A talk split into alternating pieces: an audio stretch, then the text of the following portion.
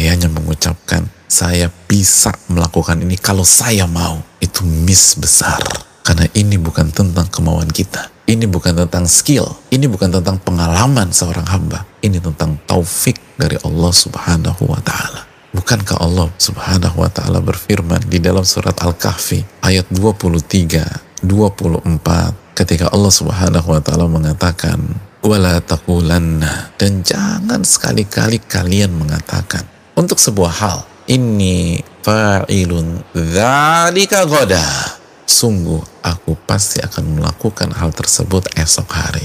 Illa ayyasha Allah. Kecuali jika Allah kehendaki dan inginkan. Kecuali dengan mengucapkan insya Allah. Jangan sekali mengatakan gue bisa. Bilang insya Allah. Jika Allah kehendaki jika Allah inginkan jika Allah bantu anda ini bukan tentang kekuatan anda ini bukan tentang kekuatan saya dan antum semua jamaah sekalian. Ini tentang taufik dari Allah. Ini tentang pertolongan Allah. Ini tentang iya karena abudu wa iya karena stain. Ini tentang konsep hanya kepada engkau kami beribadah dan hanya kepada engkau kami meminta pertolongan. Tujuan kita beribadah dan kita nggak akan bisa beribadah, kita nggak akan bisa berjuang kecuali ditolong sama Allah subhanahu wa ta'ala. Dan untuk mendapatkan pertolongan Allah, minta tolong sama Allah